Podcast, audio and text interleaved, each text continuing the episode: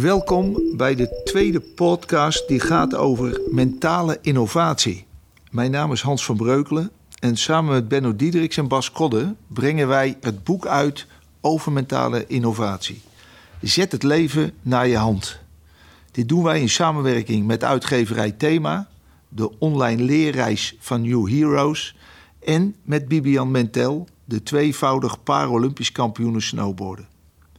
In de aanloop naar de lancering van ons boek zullen wij als een soort van warming-up met mensen in gesprek gaan die ondanks hevige en bijzondere gebeurtenissen in hun leven toch de regie hebben weten te houden. Met vallen en met opstaan. Iedere twee weken komt er een andere hoofdpersoon aan bod. En na Annelieke vorige week hebben wij nu Eva Nagelkerken. Een 21-jarige studente die communicatiewetenschappen studeert en die tot vier jaar geleden topsport heeft bedreven. Welkom Eva. Dankjewel. Wat voor topsport heb jij bedreven? Uh, atletiek. Atletiek. En Ja. wat waren jouw eh, ja, favoriete onderdelen? Uh, dat was in eerste instantie verspringen. En daarnaast heb ik ook altijd sprinten gedaan. En dat was dan de 100 en 200 meter. En wat, eh, wat, wat voor tijden moet ik dan denken? Op de 200 meter was mijn beste tijd 25-17, geloof ik. Toen ik 16 was gelopen. En op de 100 meter, ik geloof... eh, Dat, dat was niet mijn beste onderdeel, maar volgens mij rond de 12,60 geloof ik. En uh, met verspringen heb ik uiteindelijk 5 meter 86 gesprong. En hoe sta je dan in Nederland op de, de, de, de ranglijsten? Uh, om die leeftijd Ja, goed. ja. Um, ik heb me trouwens net versproken, het was 5 meter 76. en um, ik uh, was dat jaar dat ik dat sprong, stond ik bovenaan de ranglijsten van mijn leeftijdscategorie. Dus dat waren dan meisjes van uh, 15 en 16. Hoe, uh, hoe ben jij met atletiek in aanraking gekomen?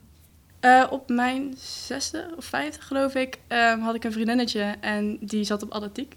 En toevallig is de atletiekbaan bij mij in de straat, dus eigenlijk een hele logische keuze. En mijn uh, leraren die vielen altijd al op dat tijdens de pauzes en zo, als er iets met rennen te maken was, dan uh, ging ik echt als een speer vooruit. En uh, die hadden ook echt al tegen mijn moeder gezegd van ja, zet dat kind lekker op atletiek, dan kan ze daar ook energie kwijt. Dus heb ik een dagje meegedaan op een proeftraining en ik had dan meteen zoiets van ja, dit, dit vind ik leuk, dit is waar ik goed in ben. En toen eigenlijk meteen lid geworden.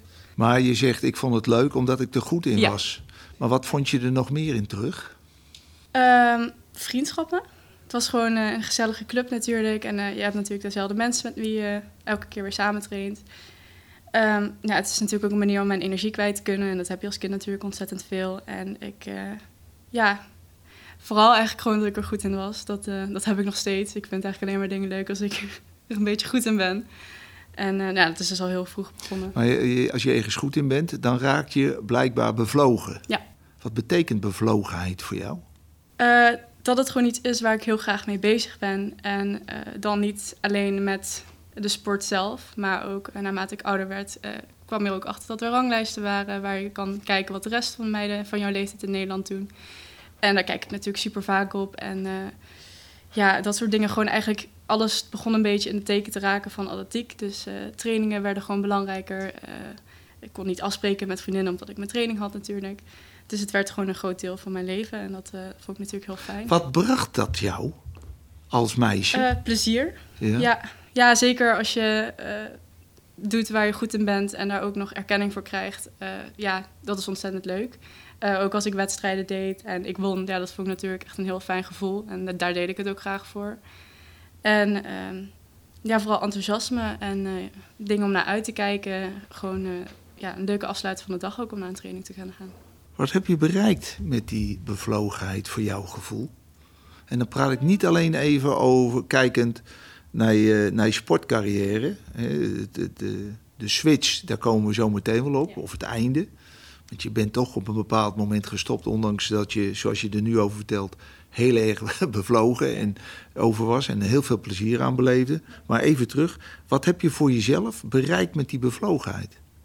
Nou, voor mij gewoon fijn om te ontdekken dat ik iets heb waar ik een passie voor heb. En uh, om zeker uh, ja, iets in je leven te hebben, een routine in je week, uh, waar je gewoon vaste momenten hebt waarop je de dingen kan doen wat je leuk vindt, echt als een hobby.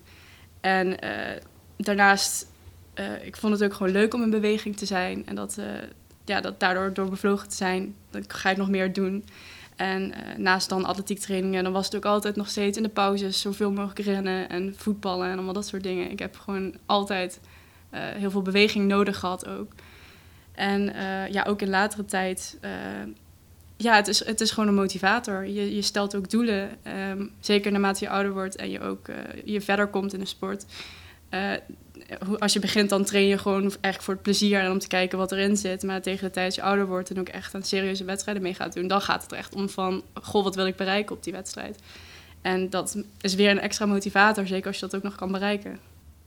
Toch vraag ik, waar moest je aan voldoen wat je nu dwars zit? Op welke manier? Nou, zoals ik het vraag, waren er ook dingen ja. waarin je voor, voor, je gevoel toch aan moest voldoen, waarvan je nu achteraf zet, nou, zegt van nou, dat, dat, dat zat me niet lekker. Um, ja, dat is zeker in de laatste jaren dat ik de sport heb gedaan uh, steeds meer een groot issue geworden. Uh, bijvoorbeeld, uh, ik, ja, ik was op een gegeven moment 16, 17, vriendinnen van mij, vrienden van mij beginnen langzaam een beetje het, het uitgaansleven te ontdekken. En ik, ik zelf was daar ja, niet echt van. Werd me ook niet echt aangeraden, plus ik had er niet per se interesse in. Maar op een gegeven moment begint dat toch wel een beetje te kriebelen. daarnaast ben ik een. ik hou enorm van eten. en het is niet dat ik ooit op een dieet heb gezeten, maar uh, ik heb wel momenten gehad dat ik van een trainer wel hoorde dat hij zag dat er iets anders aan mijn lichaam was dan eerst. En dat vond ik ontzettend vervelend. Uh, daar heb ik echt heel veel moeite mee gehad. Dat ik ook denk van ja, weet je, ik ben 16, 17, ik mag toch eigenlijk in principe doen wat ik wil. En uh, dat is ook wel een beetje al waar de eerste kleerscheuren in terecht kwamen. Van ik, ik kwam erachter dat ik er misschien niet alles voor over had om uh, mijn hele leven daarna te gaan. Ja, je kent dus wat er nu vrij veel in de publiciteit komt over trainers met de jonge turner, turnsters. Ja, ja nou kijk, Daar ik zie heb je het nooit wel wat ernstig gelijkenissen. ik heb wel een paar momenten gehad dat ik wel echt denk van... ik vind het niet prettig dat mensen zo'n zeggenschap en controle hebben over mij. Terwijl ik uh, nog jong ben en nog niet eens precies weet wat ik wil en of ik erin door kan gaan. Maar toen jij dat hoorde, hè, hoe ging je daar toen mee om? Nou ja, het is blijkbaar goed blijven hangen. Dat ik er een aantal jaar nog steeds regelmatig aan terugdenk. Elke keer als iemand mij ook vraagt van waarom ben je gestopt, dan is dat een van de redenen die ik dan wel opnoem. Ik vond het gewoon echt niet fijn. En ja, ook als je dat... mijn ouders hebben dat nooit echt zwaar benadrukt of zo. Maar af en toe kwam er dan ook wel eens een mini-opmerking uit. En die blijft dan ontzettend erg hangen. Zoals? Uh, nou ja, ik heb al eens gehoord dat, dat ze vonden dat ik, er, dat ik een beetje was aangekomen. En dat vond ik niet leuk om te horen. Want zeker, ja, je bent ook een puber. Uh, ja, je lichaam verandert ook nog een beetje mee. En uh, soms uh, tijdens mijn blessuretijden kon ik gewoon niet volop sporten. Ja, dan, dan sport je minder, maar misschien eet je wel nog steeds veel. En ik ging ondertussen ook wel wat meer met vriendinnen om. En dan heb je gewoon van die avondjes dat je allemaal zooi in huis haalt en helemaal vol vreet. Zooi? Is dat cola en chips en zo? Bijvoorbeeld, ja. Ja, ja en uh, als je dan gewend bent om hard te trainen en je hebt het even op een lager pitje staan, maar je gaat verder wel gewoon door met wat je deed, dan ga je verschil merken. En dat is dan ook aan mezelf te danken, maar dan is het niet leuk om daar een bevestiging van te krijgen. En toch ging je door. Dus mijn vraag is eigenlijk, wat gebeurde dan in jouw leven toen je merkte dat doorzettings voor jouw vermogen wel uh, belangrijk was? Ja, nou, het doorzettingsvermogen begon dus een beetje te draaien. Nadat het dus belangrijk was in mijn sport, als in uh, ga ik door hiermee of niet, uh, draai dat naar ga ik er niet door mee door of wel. En daar dan, dan denk je eigenlijk in eerste instantie als je ermee stopt van ik heb geen doorzettingsvermogen meer, maar het heeft mij juist heel veel doorzettingsvermogen gekost om de beslissing te maken ik wil dit niet meer. En... Wat, wat, hoe, hoe ben je dan? Want ik vind dat een hele interessante wat je zegt. Hè?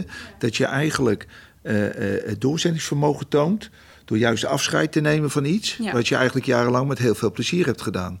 Ja. Hoe, hoe, hoe ben je dan op dat moment voor jezelf? Hoe zit je dan in je vel? Uh, wat voor gedachten gaan er uh, door je hoofd? Met andere woorden, hoe ben jij dan als, als, voor, uh, als doorzetter? Ja. Als ik dat als gewoon, als ik jouw vader was geweest of ja. een vriend was geweest, of, wat, wat had ik dan aan jou gemerkt? Nou, heel eerlijk, ik heb deze beslissing om te stoppen eigenlijk helemaal zelf gemaakt. Ik heb daar ook niet echt mensen van op de hoogte gebracht. Uh, ook omdat uh, in principe alles met atletiek wat, ik, wat ermee te maken had, deed ik met mijn moeder samen. Dat was echt ons dingetje.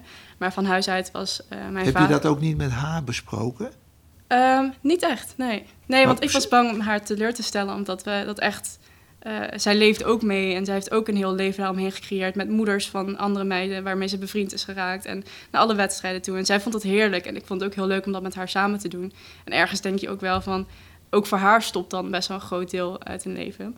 En uh, ja, je vraagt je af of je dan... Uh, dit was zeg maar echt het hoogtepunt van mijn leven... waar mijn ouders dan vooral trots op waren. En natuurlijk wel op heel veel andere dingen ook. Maar dan valt dat weg. En dat heeft dan wel een soort van onzekerheid van... stel je voor dat uh, ze dan minder trots op me zijn of zo. Op de beslissing zijn ze allebei heel trots geweest... dat ik dat gewoon heb gedaan. Hoe, ja, dat wilde ik vragen. Hoe hebben ze daarop gereageerd? Ja, heel goed. Zagen ze Ja. het aankomen? Hadden ze iets ja, gevoeld? dat wel. Ja, dat was Leuk een, hè, eh, dat ouders dat vaak hebben. Nou, het was wel zo. Ik had die zomer. eh, dat was de zomer voordat ik ging studeren. Dus eh, op mijn. Tenminste. Ik vergeet me nog wel eens een jaartje. Maar in ieder geval, het was Welk een- jaar ging je studeren? in 2017. Dus, Dus dat is ja, drie jaar ja. geleden. Dat was net toen je besloten had te stoppen. Ehm, ja. ja, ik weet nog dat ik aan het begin van het jaar. Volgens mij had ik toen besloten om te stoppen. Ergens rond eh, februari, maar dan tijdelijk. Dus ik heb toen, eh, toen het eh, wedstrijdseizoen voorbij was, heb ik gewoon tegen mijn trainer gezegd: Ik ga er even een zomer tussenuit. Ik kom even niet meer naar de trainingen. Ik ga even voor, voor mezelf gewoon wat fitness doen. En dan. Hoe reageerde hij? Ik kan me eerlijk gezegd niet meer zo goed herinneren, maar hij heeft het me gewoon laten doen. Dus prima. En hij, hij begreep het ook wel, want hij had door dat mijn plezier in de sport best wel gezakt was door onder andere dan blessureleed. En eh, eigenlijk was toen Het zo... was niet alleen die opmerkingen. Nee, zeker niet. Nee. Wat waren dan eh, de blessures die je hebt opgelopen? Nou, ik, kreeg, ik kreeg eigenlijk al op hele jonge leeftijd blessures. Eh, dat was ook, ik was altijd heel lang. Ik had al heel vroeg mijn groeispurt. Ik was op mijn dertiende volgens mij al 1,78 meter, dus dat wat ik nu ben. Mhm. Dus ik was heel snel gegroeid. Maar ja, mijn lichaam die kon dat niet echt reguleren met de ontwikkeling van mijn spieren en allemaal dat soort dingen. Dus ik had al op mijn, ik denk op mijn twaalfde of zo, mijn eerste blessures. En dat is vrij vroeg. En ik kan maar eerlijk gezegd, ik heb er echt veel gehad. Eentje bij mijn knie en mijn rug, eh, bij mijn elleboog. eh, Hoe ging daar een training mee, eh, mee om? Want je ziet vaak bij hele jonge kinderen dat ze gewoon overtraind raken. En Ja. dat ze inderdaad alle blessures die jij opnoemt, Ja. die- daar herken ik wel iets van. Omdat Ja. ik dat ook terugzie bij, in jeugdopleidingen van de voetballerij bijvoorbeeld. mhm. Hoe ging men daarmee om? Want het was voor jou ook, dat is één, hoe gingen ze ermee om? En twee, hoe ging jij ermee om? Iedere keer Ja. met zo'n blessure. Eerste vraag, heb je, ben je overtraind? Ehm, niet op jonge leeftijd. Dat niet. Nee, ik eh, overtraind zijn. Eh, ik heb nooit heel veel getraind, naar mijn idee. Ik ken echt wel eh, meiden dan van de rest van Nederland die van ik dan hun trainingsschema hoor, dan denk ik, ja jeetje, ik, ik zit er toch echt nog maar op twee, drie keer per, week. Dat is helemaal niet zoveel. Ehm, maar ik wilde wel heel graag. En eh, dat is ook een reden waardoor het plezier van mij aan het einde van mijn topsportcarrière er ook gewoon van af was. Omdat ik vond eigenlijk alleen de wedstrijden leuk. Dus gewoon de meetmomenten waarop jij op je best bent. Maar door een blessure dan kon ik niet deelnemen aan wedstrijden. Het enige wat ik kon doen is trainen. En dat vond ik gewoon niet leuk. En op jonge leeftijd is dat dan nog niet zo erg, want eh, dan, dan zijn trainingen ook gewoon gezellig en ook gewoon meer een soort van hobbyvorm. Maar op latere leeftijd trainde je echt eh, in een serieuze groep. Ik was ook in een groep met allemaal 23 jaar op dat moment, zelf was ik 16. Eh, ja, dat was wel gewoon mensen die hun leven hebben ingedeeld om topsport op de, in de hoofdrol te Wie van diegenen die in die tijd waar jij mee sportte, hebben de top gehaald? Ja, dat, eh, van mijn trainingsgroep? Of- Ja?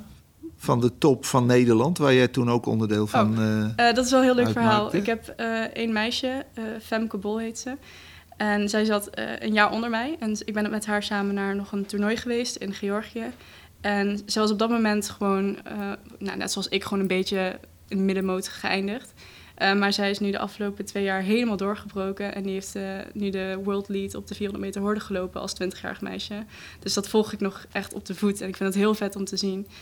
Eh, maar vanuit mijn trainingsgroep niet echt. Maar ik heb wel heel veel meisjes en andere, ja, best wel veel mensen die ik gewoon nog ken, die toch echt wel goed zijn doorgebroken. En Wat heeft dat doorzettingsvermogen jou gebracht? Het besluit om te stoppen? eigenlijk heel veel goeds. Ik, eh, Vertel. ik, was er, ik heb er eigenlijk geen seconde spijt van gehad. Want ik heb ook eigenlijk gewoon een heel abrupte beslissing genomen om te stoppen. Best wel veel atleten die, eh, die gaan dan even uittrainen, zoals je dat zou moeten noemen. Ik heb eigenlijk gewoon gezegd, ik doe het niet meer. En ik ben volgens mij ook nooit meer naar een atletiekbaan gegaan. Eh, daar heb ik misschien gewoon een beetje spijt van. Omdat eh, ik heb het echt ineens heel erg achter me gelaten. Maar dat wil ook wel weer zeggen dat ik er ook echt wel achter stond dat dit het was. Ehm, eh, maar het heeft me gewoon echt heel veel goed gedaan. Want ik had heel veel verlangens naar andere dingen doen. En eh, gewoon een, een, een, jonge vrouw zijn. Ehm, mijn uh, eindexamenjaar ging ik in. En ik wilde eigenlijk gewoon alles halen. Ik wilde een universiteit gaan uitzoeken. Ik wilde gewoon eigenlijk als een normale 17-jarige gaan leven. Maar als jij zo duidelijk bent in de stappen die je wilt maken, heeft dat wellicht ook te maken met, noem het maar, de positieve elementen die je misschien uit die topsport hebt meegenomen? Um, als in dat ik de doorzettingsvermogen wat ik in de sport had ook kan projecteren op anderen. Ja, nee, maar op, uh, naar jezelf ja. toe. De stappen die je daarna maakt. De lef ja. om te stoppen en vervolgens gelijk door te pakken. Ja, ja ik heb het uh, gewoon... Zijn er dan een aantal positieve uh, zaken, eigenschappen die je hebt meegenomen van de sport in, in, in, in de mens die je nu bent? Ja, zeker. Ja, ik heb nog altijd wel uh, een winnaarsmentaliteit, maar dat... Uh, Hoe uitzicht dat? Um, als in, ik, ik, ik, nogmaals, ik doe dingen graag goed. Ja. En ik haal dus plezier eruit uit dingen die ik goed doe. En zodra dat niet zo is, dan vind ik het al minder leuk. En ik ben ook niet een goede verliezer, laten we dat zo zeggen. Ik kan dan heel erg uh, boos op mezelf worden. Niet op anderen, maar gewoon op mezelf. Um, maar over het algemeen uh, voor mezelf kiezen... Um, en dat is dan eigenlijk niet eens uit de topsport zelf gekomen, maar juist door de beslissing om te stoppen. Dat is eigenlijk vanaf toen begonnen. En dat heb ik nog altijd gedaan. En um, rekening houden met wat ik zelf wil, uh, ongeacht wat anderen daarvan vinden. En dan ook gewoon aangeven van, oké, okay, dit is mijn grens en hier wil ik ook liever niet overheen. En dan hoor ik maar van jullie wat jullie ervan vinden. Um, en daarna zie ik wel wat ik erbij Ervaren mensen om je heen dit als hele krachtige eigenschappen van jou? Ja, ja ik heb dat wel echt wel een andere ja, gebeurtenis in mijn leven wel meegemaakt. Dat ik uh, ik onderneem gewoon meteen actie. Als ik bijvoorbeeld iets heb waardoor ik even op studie minder goed uh, kan functioneren of andere privéomstandigheden, dan geef ik dat direct aan. Zodat ik weet dat mensen rekening kunnen houden met mijn situatie. Want dat helpt mezelf alleen maar. Want ik, het, je geeft heel duidelijk je grenzen aan. Ja, ik geef gewoon aan, dit is nu de situatie, daarom kan ik niet presteren zoals ik zou willen. Um, ik hoop dat jullie dat begrijpen. En dan tik je eigenlijk mensen gewoon aan de kant. Want je, nee. je hebt gewoon de ruimte nodig om dat te doen. Mm, ik heb begrip nodig voor mezelf. Van jezelf? Nou, zeg maar dat anderen begrijpen uh, wat er in mijn leven speelt. Um, waardoor ik daar niet meer naar om hoef te kijken of zorgen hoef te maken dat mensen daar een, een, andere mening over hebben of het niet begrijpen. Vind je dat belangrijk? Ja, zeker. Oké. Okay. Wat, wat, wat maakt het leven voor jou, geeft het leven zin? Uh, kunnen genieten van kleine dingen. Um, doen waar je blij van wordt. En vooral met mensen zijn die je energie geven. En ja, over het algemeen, ja, dat zijn eigenlijk wel de belangrijkste dingen. En wanneer ervaar je dan die, die bezieling? Want topsport is, dat begrijp ik, hè? dan heb je focus en dan ben je er alleen maar mee bezig. Mhm. Mm -hmm. uh, en dan stopt dat, bewuste keus van jezelf. Waarin vind je nu met name die bezieling? Um, eigenlijk ja, met vrienden zijn vooral. Uh, ik heb de afgelopen twee jaren echt uh, ineens heel veel tijd kunnen investeren in vriendschappen. Uh, mede ook omdat ik al, altijd relaties heb gehad en die ging op een gegeven moment ook uit. En daar had ik ook eigenlijk heel erg veel behoefte aan, omdat ik altijd vriendschappen had, maar niet zo diep. En nu heb ik daar de afgelopen twee jaar heel veel tijd voor gehad om dat echt heel diep te laten gaan. En dat is ook iets wat ik nu veel verder kan meenemen en daar ben ik heel dankbaar voor. En even denken. Kun je de vraag We hebben het over die bezieling. Ja. He, wat, um, wat, wat, wanneer ervaar jij bezieling bij jezelf? Bezieling vind ik wel een lastig woord. Ja, nou, dat je echt in beweging komt om keuzes te maken. Ja, er zit ik heb gewoon een, een hele duidelijke gut feeling. Als ik gewoon ergens een goed gevoel over heb, um, of juist denk dat ik iets niet kan, dan overweeg ik dat ook. En dan vind ik het ook niet erg om ergens. Ik vind het niet erg om op te geven. Dat is het, denk ik. Ik heb geaccepteerd dat sommige dingen mij niet lukken of niet voor mij gemaakt zijn. En ik vind dat niet erg ik denk dat dat mij heel erg ook vanuit de topsport heeft geholpen. Dus dat winnen en verliezen, dat ervaar jij ook gewoon in het huidige leven. En verliezen accepteer je als zijnde, dat hoort er ook bij. Ja, niet op alles natuurlijk. Nee, maar het... waar zit dan het verschil? Wat, wat, niet op alles, wat is dan dat gedeelte waar je zoiets hebt van... ja, maar daar wil ik niet op verliezen? Nou, dat zijn kleine dingetjes. Dus dat is een spelletje spelen met oh, mensen. Oh, spelletje spelen. of, uh, Heel goed. Ja, voor de rest... Um, echt levensbeslissing of zo, of uh, ergens een sollicitatie hebben niet gekozen worden. Ja, dat gebeurt. En uh, dat soort dingen, dat, daar heb ik geen moeite mee. Dat zie ik ook niet als een verlies. Maar ik heb wel altijd nog van tevoren heel erg de neiging van... ik wil wel die persoon zijn die uitgekozen wordt. Maar mocht dat niet zo zijn, dan oké, prima. En dan moet je wel het gevoel hebben dat je er alles voor gedaan hebt waarschijnlijk. Ja, ik, ik, wil altijd heel erg mijn best doen om een goede Ja. indruk achter te laten. Hey, in, de, in de sport eh, praat je wel eens over een flow, hè? Heb je dat nu na de sport ook wel eens gehad? Dat je in een flow zit? Ehm, met studie wel eens. Ja, en, Ja. en, en eh, hoe, hoe, hoe, hoe ben je dan? Ehm, nou, het is natuurlijk eh, door de huidige situatie een beetje anders. Maar eh, over het algemeen, we hebben een universiteitsbibliotheek. En dat vind ik een hele fijne leerplek. En ik kan heel goed met mijn huisgenootjes. En we hebben echt wel vaker van die fases gehad... dat dan rond de tentamenweek gaan we met z'n allen daarheen... en dan zitten we er van 9 uur s ochtends tot 10 uur s avonds. Waarom is dat zo'n ideale plek? Wat, wat Ehm, ervaar je daar? Dat, dat je zegt, Rust. rust, ja? Ehm, alles wat je nodig hebt om goed te kunnen studeren. Ehm, en je hebt, eh, we hebben gewoon een vaste routine ook. Dus eh, om 11 uur koffietje halen, om 1 uur lunchen en dan om 5 uur eventjes in de kantine wat eten. Dus je, je houdt echt een, een strak ritme aan. Ja. Ook als, als je daar zit. En dat vind ik prettig. En dat komt waarschijnlijk ook vanuit die topsport voort. Want dat hield mij in beweging. Eh, dat ik een vaste, vast ritme had iedere week, vond ik heel prettig. En eh, ook mijn, eh, mijn afgelopen maanden als stagiair vond ik ontzettend fijn. Want ik had gewoon vaste dagen waarin ik gewoon moest eh, ja, presteren. En met studie is dat natuurlijk meer van, ja, je moet het in je eigen tijd gaan doen. Maar dan maak je het er maar gewoon naar. En dan zorg je dat je dat ritme hebt waar je naar op zoek bent. Ja.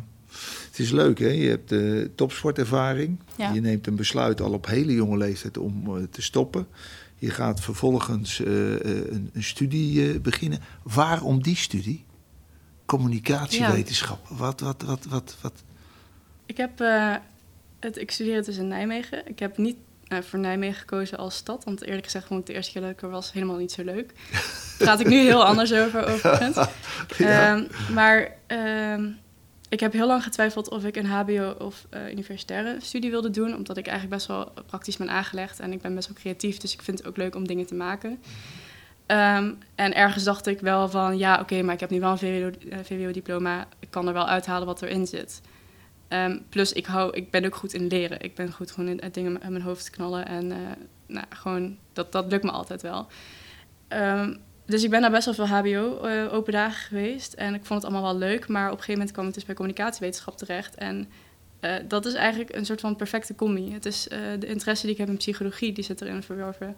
Ehm, media en vooral social media en marketing. Het zijn allemaal dingen die bij elkaar komen die het zo interessant maken. En tegelijkertijd is het ook best wel een speelse studie waar je soms ook gewoon kleine pracht, praktische dingen kan doen, zoals een poster maken of zo. Ja, dat vind je niet gehad op de universiteit. En alleen in deze vorm kon je dat in Nijmegen doen, dus daarom ben ik eh, dat gaan studeren. In, in die korte tijd heb je eh, een, een aantal keren behoorlijk moeten aanpassen. Ja. Ehm, wat maakt dat aanpassingsvermogen belangrijk voor je? Ehm, als ik dat niet kon, dan was ik niet waar ik nu ben. Dus eh, ja, ik, ik merk altijd aan mezelf dat ik juist heel goed kan aanpassen. Ik heb echt wel een paar momenten gehad dat ik ehm, zag wat mijn toekomst zou zijn, dat het ging veranderen. En dan keek ik er tegenop. Maar zodra het inging, dat het mijn lieve- eh, nieuwe leven was, dan was ik er binnen één of twee dagen aan Maar hoe, hoe heb je dat gedaan? Ehm, ik denk, ja, ik weet niet. Ik denk dat het met mindset te maken heeft. Dat je gewoon denkt, dit is, het, dit is hoe het nu moet. Of moet, eh, hoe het nu gaat. En ehm, ja, ik, ik, ik moet het ervan maken wat ik nu heb. En ik ben liefst gelukkig met mijn eigen leven. Dus dan ga ik ook gewoon ervoor zorgen dat ik Waar dat ben. komt dat vandaan? Eh, je- klinkt zo, eh, met 21 jaar, je klinkt zo, eh, nou mag ik het zo zeggen, dat je weet wat je wilt. Ja, Dat vind ik op zo'n jonge leeftijd al, al, al heel bijzonder. ja. Komt dat van huis uit? Heeft dat met sport te maken? Is dat karakter? Vertel, waar komt dat vandaan bij jou, Eva?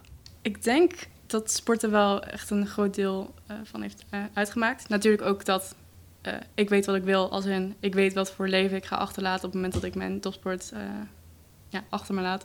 Maar ik weet ook wat het voor mogelijkheden biedt op ja, persoonlijk vlak. Dus inderdaad een studie volledig kunnen volgen in plaats van intern op Papendal gaan trainen en tegelijkertijd maar kijken of je het kan halen.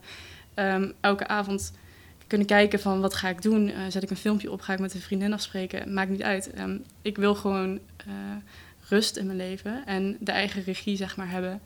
En ja, als ik dat heb, dan ben ik ook eh, het meest gelukkig. En met atletiek was het altijd wel van toch een soort van restrictie. Sommige dingen kunnen gewoon minder of niet. En dan ben ik toch blij dat ik door die beslissing dat, ja, dat, dat zeg maar heb kunnen veranderen. En in principe, mijn moeder is ook echt een doorzetter. Die kan ook echt settelen met wat ze heeft, maar dan ook echt het beste ervan maken. Dus ik denk dat ik van haar ook heb overgenomen. En ook mijn vader, die is, als hij iets wil, dan krijgt hij het ook voor elkaar. Dan kan hij gewoon zijn hele ja, mindset omgooien en denken van hier ga ik niet voor. Wat er in zijn kop zit, zit niet in zijn kont, zeggen ze dan. ik ken die uitspraak niet, maar ik vind hem wel mooi. Nou, neem hem maar mee. wat, wat, het is wel heel mooi wat je vindt. Wat, vind je, hè, wat van jezelf wil je nooit kwijtraken? Uh, dat ik voor mezelf durf te kiezen. Um, maar dat wel op een manier kan, zodat ik toch niemand teleurstel. Uh, want daar hou ik gewoon echt niet van. Um, maar um, ik denk dat ik wel het vermogen heb om het op zo'n manier uit te kunnen leggen. En de emotie erin kan leggen. En mensen begrip kan laten tonen voor mijn situatie. Dat zij het daar altijd oké mee kunnen zijn. Daar ben ik heel blij mee dat ik dat kan. En welk patroon in jouw leven, ondanks dat er nog een heel jong leven is, zie jij steeds terugkeren? Uh, dat er nieuwe situaties komen waar ik in eerste instantie bang voor ben. Maar dan zodra ik eraan begin, is het allemaal zo erg niet. Dus uh, ja. Heeft dat met je uh, eigen verwachtingen te maken? Leg ja. je de lat over het algemeen hoog voor jezelf? Um, ja, dat is vooral ook weer de angst om mensen teleur te stellen. Als ik aan iets nieuws begin waarvan ik niet precies weet of ik het kan, dan ben ik daar wel angstig voor. omdat ik dan bang ben dat mensen het niet ontvangen zoals ze willen. Maar wat grappig, je zegt aan de ene kant ik wil graag uh, voor mezelf kiezen. Ja. En, en nu hoor ik je zeggen ja, ik ben bang dat, dat ik mensen eigenlijk teleurstel. Ja, waar, ja ik ben heel erg een pleaser. Ik wil het heel graag zo goed mogelijk maken voor iedereen. Alleen uh, op het moment dat, ik, uh, dat het echt nodig is, dan kan ik voor mezelf kiezen. Dus, en dat vind ik juist de perfecte balans. Waar ligt die grens? als het echt met mij persoonlijk te maken heeft en invloed heeft op mijn uh, ja, fysieke of mentale welzijn, dan, dan, dan geef ik graag een grens aan. En dat, dat kan ik ook. En ja, maar het moet wel dus inderdaad in balans zijn. Dus ik wil mensen niet teleurstellen. En dat vind ik ook helemaal geen slechte eigenschap van mezelf. Mm -hmm. um, want nou ja, dat betekent ook gewoon dat je goed kan functioneren in principe. En uh, je best wil doen en het zo goed mogelijk wil maken. Maar ik wil ook niet dat dat ten koste gaat van mijn eigen welzijn. Nee, precies, hè? je eigen welzijn aan anderen.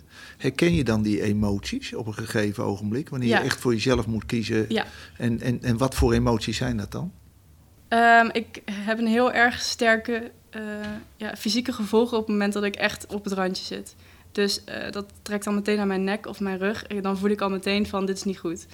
En dat is voor jou een signaal van hey. Dit is te veel nu. Ja. Oké. Okay. En dan kan ik ook meteen, uh, dan, stel dat heeft, dat heeft meestal met meerdere stressors te maken. Dan kan ik ook de, de, de beste optie kiezen om dan eventjes op een zachter pitje te zetten, waardoor ik weer eventjes kan bijsterken en dan weer door. Dus dat heeft bijvoorbeeld uh, te maken gehad bij mijn stage waar ik mee was begonnen. En tegelijkertijd een scriptie afmaken. En tegelijkertijd ook een ja, persoonlijk uh, ja, persoonlijke gebeurtenissen in mijn leven verwerken, die op dat moment nog heel pril was.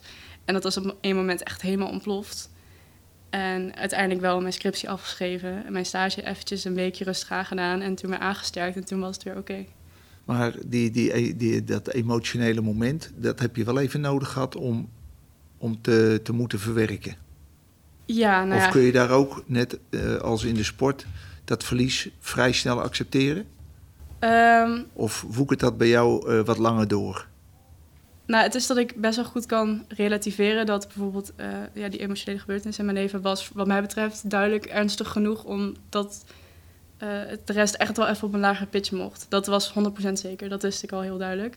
Um, maar in ieder geval, dat was iets waarvan ik echt dacht, uh, dit gaat voor. Het is eigenlijk bijna belachelijk dat ik alsnog doorga met wat ik nu doe. Mm -hmm. um, en uiteindelijk heb ik het wel gewoon allemaal kunnen afronden en daar ben ik ook heel trots op. En dat is dan ook weer doorzettingsvermogen dat ik heb. Um, ja, dat me wel ergens heeft gebracht uiteindelijk. Maar dat heeft me wel moeite gekost. Wat ik zo mooi in jouw verhaal uh, vind, en, en dat wij ook uh, terugzien bij uh, mensen als je praat over mentale innovatie, dat jij ook het vermogen hebt, blijkbaar heel zelf-effectief te kunnen werken. Dat je vanuit de kwaliteiten die je hebt, bekwaamheden die je hebt, dat heel duidelijk ook weet te onderscheiden ten aanzien uh, van, uh, van je omgeving. Uh, als ik dan praat over die zelfeffectiviteit, hè, kun je dan Herken je dat trouwens, wat ik zeg, over je bekwaamheden en het daaromheen voor jezelf regelen? Of zie jij een andere vorm van zelfeffectiviteit? Nou, ik zie zelfeffectiviteit echt als het, als je het gevoel hebt dat je iets kunt, dan gaat het goed. Dan, dan kun je dat, de taak ook veel beter uitvoeren. En ehm, in de topsport is dat bij mij altijd wel een pijnpuntje geweest. Ik kon bijvoorbeeld niet zo heel goed onder druk presteren. Um, maar op het moment, dat is één keer voorgekomen op Nederlands kampioenschap verspringen. Um, het was, die zomer was ook het Europees Jeugd Olympisch Festival. En daar had ik al de limiet voor gesprongen eerder dat jaar. Maar er was een ander meisje die het ook had gesprongen. En er mocht maar één iemand naar verspringen voor dat onderdeel. En het Nederlands kampioenschap was daar eigenlijk het beslissende moment voor. Want nou, we deden allebei mee. En dan gaat het eigenlijk om, als je wint, dan ben je eigenlijk wel zeker van dat je mee mag. En het ging eigenlijk prima. Maar voor de laatste poging stond ik op plek drie. En ik was ook de laatste die sprong, omdat ik de, in de eerste drie pogingen de vers had gesprongen. En dan verandert de volgorde van springen. Ja, ja. En het was dus aan mij in de allerlaatste poging om echt onder druk mezelf eventjes daar neer te zetten. En ik vond dat heel spannend. Um, maar ik had toen ook uh, het publiek meegevraagd om mee te klappen. En dat werkt, ja, dat doe ik normaal niet zo snel. Maar ik dacht, ik doe het maar eens een keertje en wie weet helpt dat. En op een of andere manier kwam alles echt samen en lukte het toen wel om te springen. Omdat ik ook van tevoren dacht, van, even, dit moet je gewoon echt even doen. Gewoon dit, het zou, hier heb ik al naartoe gewerkt het hele jaar. Nu wil ik ook echt heen. Uh, ik weet dat je het kan. Want je hebt al verder gesprongen dan de verse sprong op dat moment. Dus nu moet het ook gewoon even samenkomen. En toen is het dus ook gelukt. En dat was ook echt een heel mooi moment. En ja, daar denk ik nog wel eens graag aan terug. En toen is het wel gewoon gelukt. Dat was gewoon echt letterlijk zelfeffectiviteit. Ik geloofde dat ik het kon, dus toen lukte het. Maar wat moest je daar even voor overwinnen? Want je, je zegt ook in je verhaal van wat ik normaal niet deed, uh, het, het, publiek erbij betrekken. Ja. Wat bracht jou op dat moment dat je dacht van ja, uh, ik moet die omgeving voor mij even zo creëren ja. dat ik als het ware een topprestatie kan re realiseren. Ja, sommige meiden deden dat. Oké. Okay. Dus ik was niet de enige die dat deed. Dus nee, nee. Um, ik dacht eigenlijk wel van, ja, ik weet niet, ik wil het gewoon proberen. En ik weet ook gewoon van wedstrijden en zo, ook echt grote kampioenschappen, mensen doen dat. En dat geeft je echt een hele grote adrenalinekick. Ja. Dus ik, uh, ik hoopte dat dat voor mij uh, wel echt het moment zou zijn. Want je hebt natuurlijk wel de kans met verspringen... Uh, moet je voor een bepaalde balk afzetten. En als je overheen komt of al met een puntje van je schoen die balk aanraakt... dan is die ongeldig. Ja. Het kan nog wel eens voorkomen dat als je die adrenaline hebt... dat je gewoon te snel aanloopt en dan eroverheen zit. Ja. Dus godzijdank was dat niet gebeurd. want anders, ja, dan was dat ik niet was de meest perfecte sprong die je ooit gemaakt hebt?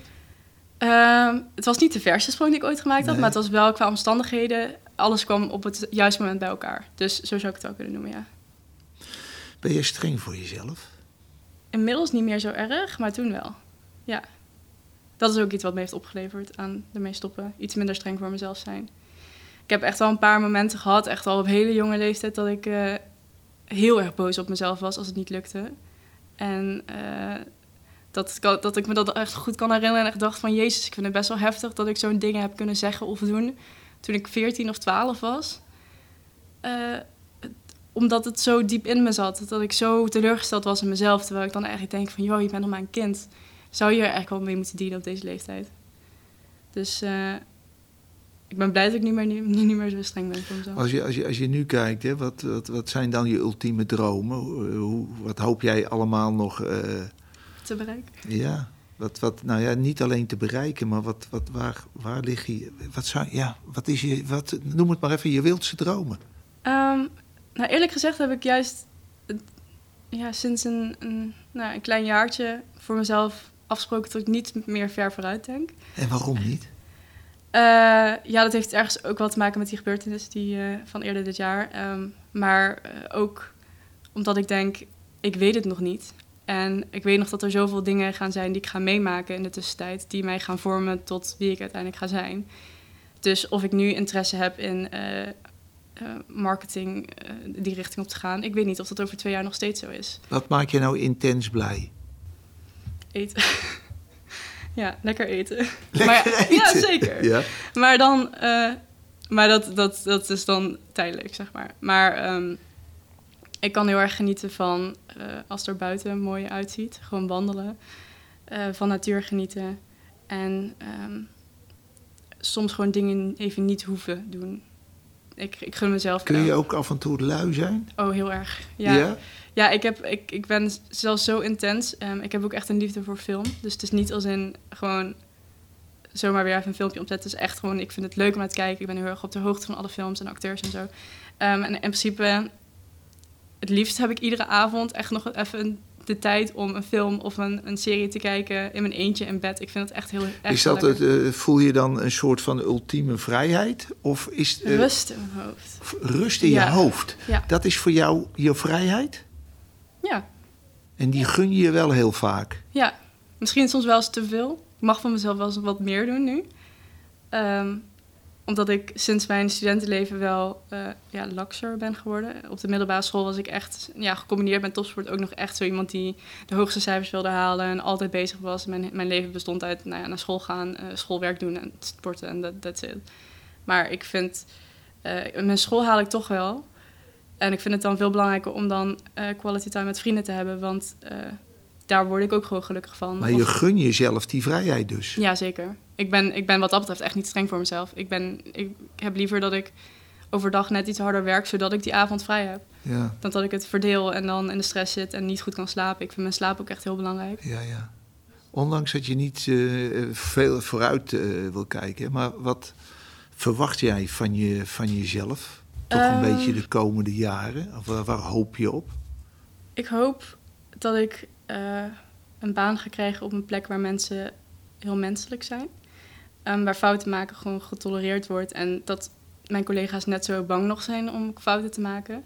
Ik hoef ook niet in een groot bedrijf te werken waar ik maar een onderdeel ben van, maar gewoon liever een hecht team. Maar ik hoop gewoon dat ik uh, op een plek terechtkom waar ik gewoon mezelf kan en durf te zijn. En waar ik ook niet, uh, waar, waar, ik niet bang ben om een vraag te stellen of wat dan ook. En uh, ja, een veilige plek of zo, zou ik het zo kunnen noemen. En voor de rest heb ik eigenlijk, ja, ik wil honden en katten en zo. En voor de rest, uh, ja, ik zie het wel. Maar zolang ik gewoon maar blij ben op de plek waar ik zit, dan... En dat weet ik dus niet, nog niet wat dat gaat zijn. Maar ik weet wel dat ik dat wil, dus daarheen ga. Dus ook niet genoeg nemen met minder. Mag ik jou dat uh, ontzettend toewensen. En jou bedanken voor, voor dit gesprek over mentale innovatie van hoe, ga je, uh, hoe zet je het leven naar je hand? Jij bent daar in mijn ogen een uh, prachtig voorbeeld uh, van. Als 21-jarige die gekozen heeft eigenlijk om een besluit te nemen, een heel moedig besluit, om te stoppen met topsport. Waar je toch ook heel veel plezier aan beleefde, maar tegelijkertijd ook niet. En als je dan praat over doorzettingsvermogen, wat een boel mensen doen, is dit voor mij wel een teken dat je heel duidelijk gekozen hebt voor jezelf. En dat is wel een mooi teken van uh, mentale innovatie. Nogmaals dank Eva ja, en het gaat je heel erg goed. Dankjewel, hetzelfde. Wil jij op de hoogte blijven van de New Heroes podcast? Abonneer je dan op ons kanaal en houd onze socials in de gaten.